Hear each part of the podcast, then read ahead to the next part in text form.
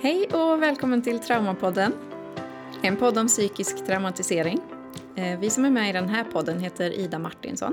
Och Paula Gelves. Och eh, vi jobbar som psykologer på Centrum för traumatisk stress som är en del av Region Värmland. Och idag ska vi prata om dissociation och då främst traumarelaterad dissociation.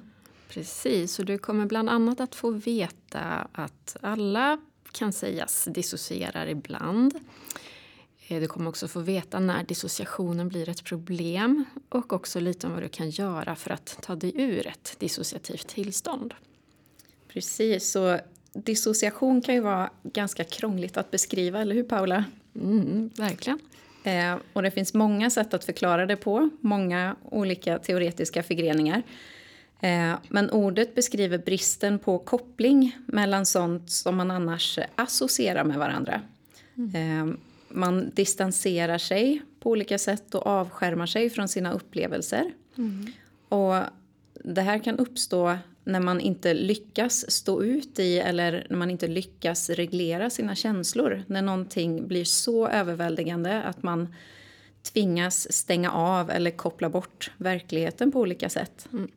Och de här sakerna som man menar inte associeras med varandra det är ju tankar, känslor, kanske förnimmelser i kroppen eller eh, information utifrån, sinnesintryck och så vidare. Precis, mm. att någonting stressande och hemskt händer dig men att dina känslor då måste stängas av i det för att orka överleva det du utsätts för. Mm, precis, ett exempel. Och det går att prata om de här dissociativa upplevelserna som på en skala från mer liksom vanliga upplevelser som alla kan vara med om till mindre vanliga upplevelser.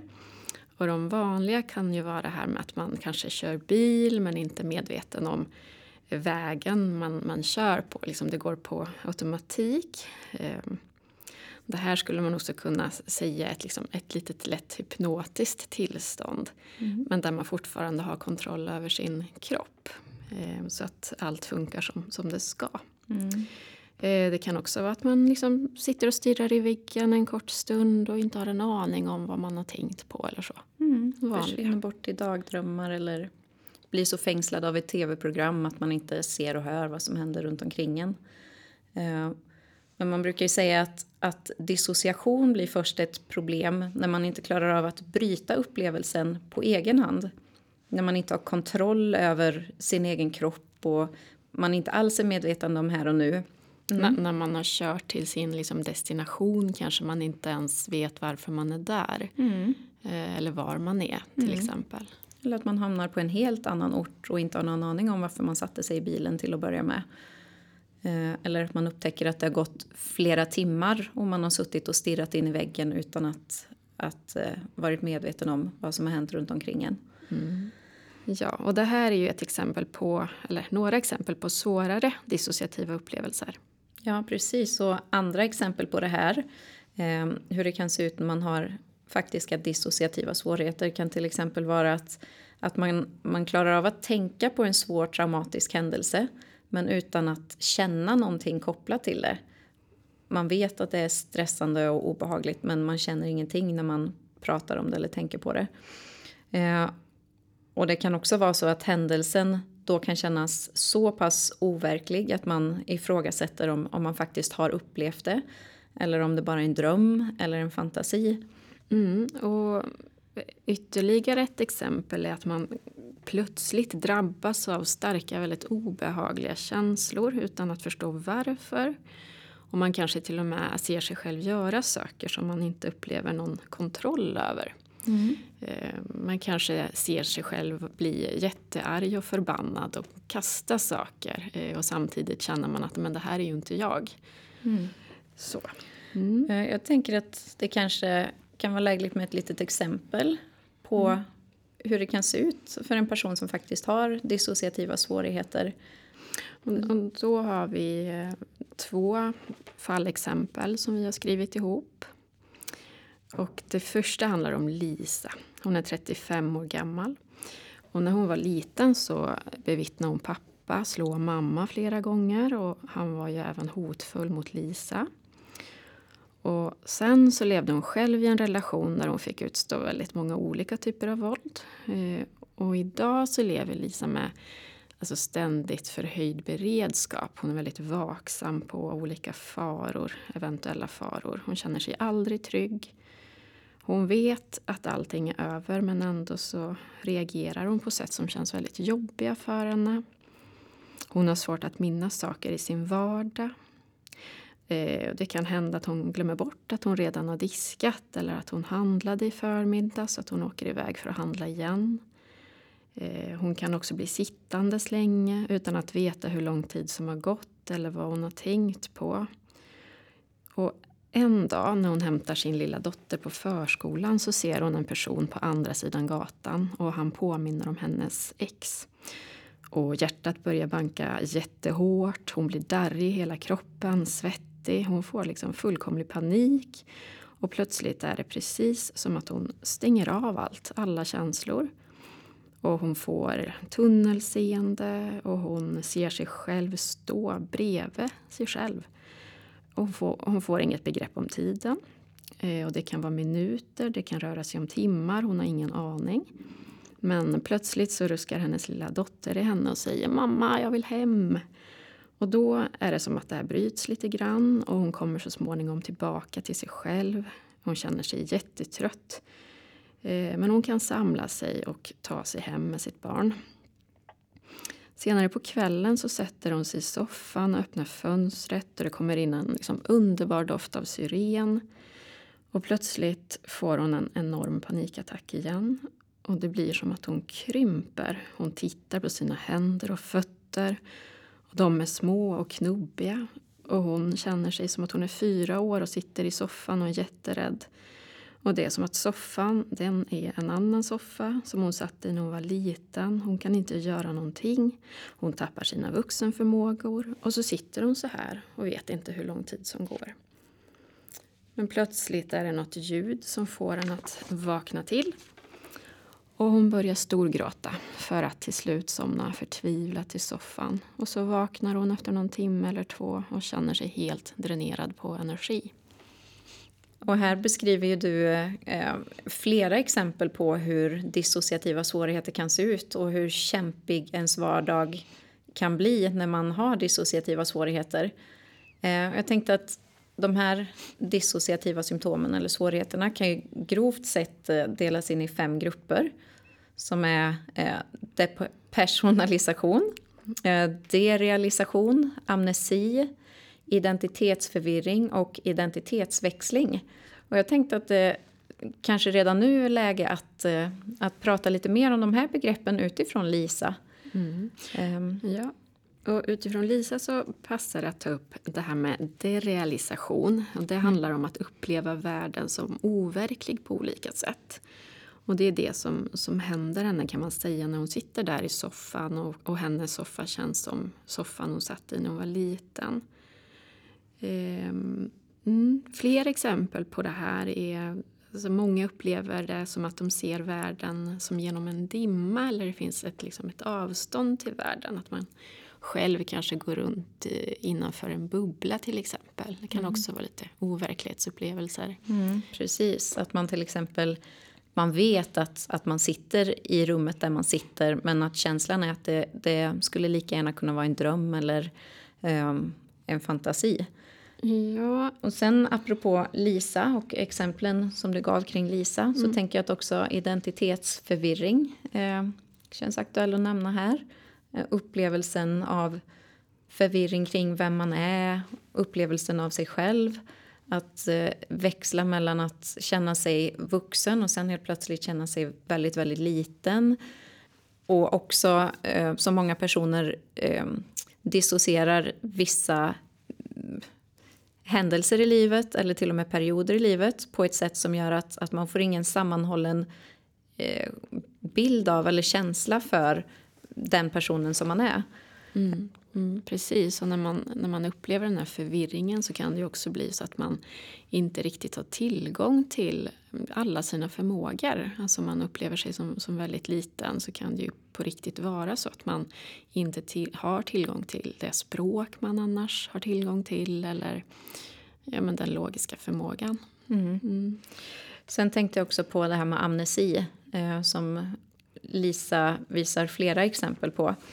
Och amnesi eh, betyder ju att man har svårt att minnas olika saker på olika sätt. Och i exemplet kring Lisa så eh, handlar det om att eh, hon har svårt att minnas saker i sin vardag. Hon har svårt att minnas om, om hon har köpt mjölk eller om hon var på väg att gå ut och köpa mjölk. Eh, det kan vara så att eh, att eh, man sitter i ett samtal med en person och plötsligt glömmer bort vad man pratade om för tre sekunder sedan. Eh, eller att man helt har glömt bort hur gårdagen såg ut. Eh. Mm. Precis, och, och de här amnesin, alltså minnesluckorna kan ju som, som du säger vara angående små saker i vardagen. Ja, som du tidigare sa eh, angående liksom större händelser i livet eller hela perioder i livet, flera år ibland. Mm. Mm. Jag tänker för att ännu mer tydliggöra hur dissociation kan se ut så, så kan vi ta ytterligare ett exempel. Mm. Ehm, och då har vi Sam som är uppvuxen i en familj som utåt sett inte hade några problem. Ehm, men han var ofta arg när han var liten och i skolan hade han väldigt svårt att koncentrera sig och sitta still. Ehm, senare i tonåren så, så drack han mycket och tog droger för att döva sina känslor. Och under den här perioden i livet så fanns det också mycket våld i hans närhet i och med att han, han blev både utsatt och utsatte andra för våld.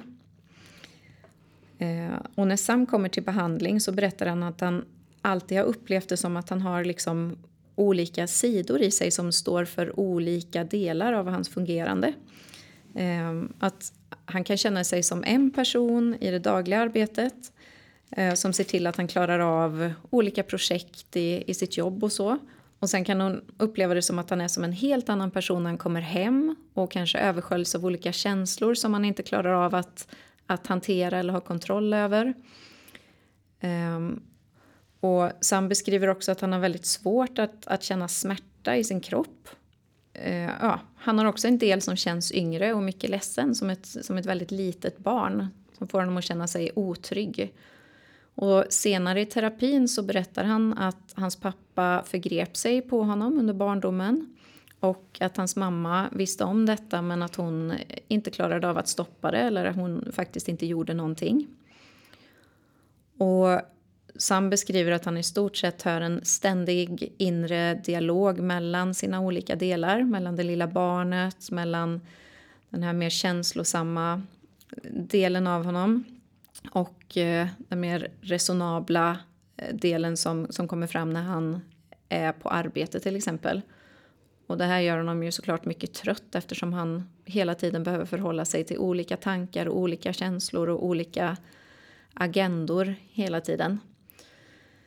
Eh, och här i exemplet kring Sam så handlar det ju mer om dissociativa svårigheter som man kan kalla identitetsväxling. Mm. Att, det är att personen liksom kan anta olika identiteter och det här kan man se utifrån också att personen växlar mellan sina olika tillstånd och det kan synas då på att både röst och kroppsspråk förändras och att man får andra, olika, alltså andra typer av tankar och, och känslor och förmågor. Eh, mm. Mm. Och även i det här exemplet kring Sam så, så ser vi exempel på amnesi, alltså minnesluckor. Han har dissocierat eh, stora delar och många händelser från sin uppväxt och från de andra svåra upplevelser han har mm. från ja. livet. Ja. Eh, och han visar också exempel på depersonalisation, alltså att han upplever en brist på koppling till sin egen kropp. Eh, och exemplet är ju då att han har väldigt svårt för att känna smärta. Mm. Eh, han kan upptäcka blåmärken på sin kropp utan att veta hur han har fått dem. Han kan eh, ibland också kanske uppleva att han inte har någon kontakt med armen, att han faktiskt inte känner den om man tar på den. och så. Mm. Mm. Och ibland kan det ju till och med bli så starkt att man, att man upplever det som att man ser sig själv utifrån. Precis som du beskrev i exemplet med Lisa tidigare. Att man upplever ja, mm. som att man ser sig själv utifrån helt enkelt. Ja. Vi har gått igenom lite exempel på hur dissociativa svårigheter kan se ut. Och det, det är mm. alltid svårt att, att försöka sammanfatta något som, som omfattar så enormt mycket. Ja, men som sagt, det går att lite grovt dela in de olika upplevelserna eller symptomen i de här fem, fem grupperna. Då. Men varför utvecklar man dissociativa svårigheter då? Ja du. Mm. Den vanligaste anledningen som, som man ser är att man har varit utsatt under barndomen av någon närstående. Eh, och man har oftast varit utsatt för eh, svåra händelser upprepade gånger. Alltså att man har levt under eh, hot och otrygghet. Eh, och det finns en väldigt stark koppling mellan så kallade anknytningsskador, alltså att man har blivit skadad i, i relation till en vårdnadshavare under barndomen. Ja, eller att man har blivit utsatt som barn för flera traumatiserande händelser av någon som egentligen skulle skydda dig. Mm. Um, att, ja, att föräldrarna inte bara är oförutsägbara och motsägelsefulla utan faktiskt också har utsatt dig för, för väldigt um, svåra saker, mm. hemska saker. Ja, och, ja. och det behöver ju inte alltid vara alltså medvetet från eh, vårdnadshavarna heller utan det kan ju också vara väldigt svårt för ett barn att leva tillsammans med, med skrämda föräldrar, alltså föräldrar som själva har eh, traumaerfarenhet. Mm. Mm. Um, och som barn är det ju faktiskt ett utmärkt försvar att dissociera när man inte kan påverka sin omgivning och när man inte får hjälp av någon att hantera de känslor eh, som uppstår i, i olika situationer. För det är ju faktiskt så att som barn har vi inte förmågan att själva reglera oss. Och då finns bara eh, alternativet kvar att, att stänga ner för att överleva. Mm. Så, så på många sätt och vis så är det ett utmärkt försvar för ett barn att klara av att dissociera för att orka ta sig vidare i livet. Precis, men svårigheterna då uppstår när man fortsätter att fungera på det här sättet fastän omgivningen är förändrad, fast man liksom inte lever under otrygghet och fara längre. Mm. Och svårigheterna som, som då uppstår då när man fortsätter att fungera på ett dissocierat sätt är ju att man kan missa mycket av livet, alltså härliga känslor och eh, det som är att vara människa. Eh, det kan också vara så att man eh, upplever det mesta som farligt. Att man inte har en förmåga att, att kanske skydda sig från verklig faran. Alltså när det väl eh, kommer till kritan så att säga. Och det händer också att personer utvecklar en dissociativ störning i vuxen ålder. Och här har man sett en koppling till hur mycket man dissocierade när den traumatiska händelsen inträffade. Så att det är en större risk för att utveckla en dissociativ eh, problematik om dissociationen vid traumat var stark. Mm. det är viktigt att, att äh, igen säga att all dissociation inte är traumarelaterad. Men det är ju det som vi stöter på i vårt arbete och därför det vi pratar om här. Men jag tänkte att eh, vi ska nämna lite vad du faktiskt kan göra för att ta dig ur ett dissociativt tillstånd när du hamnar i det. Och Lite pratar vi om det här i avsnitt 4, så det är en god idé att gå tillbaka och lyssna på det om du vill veta mer.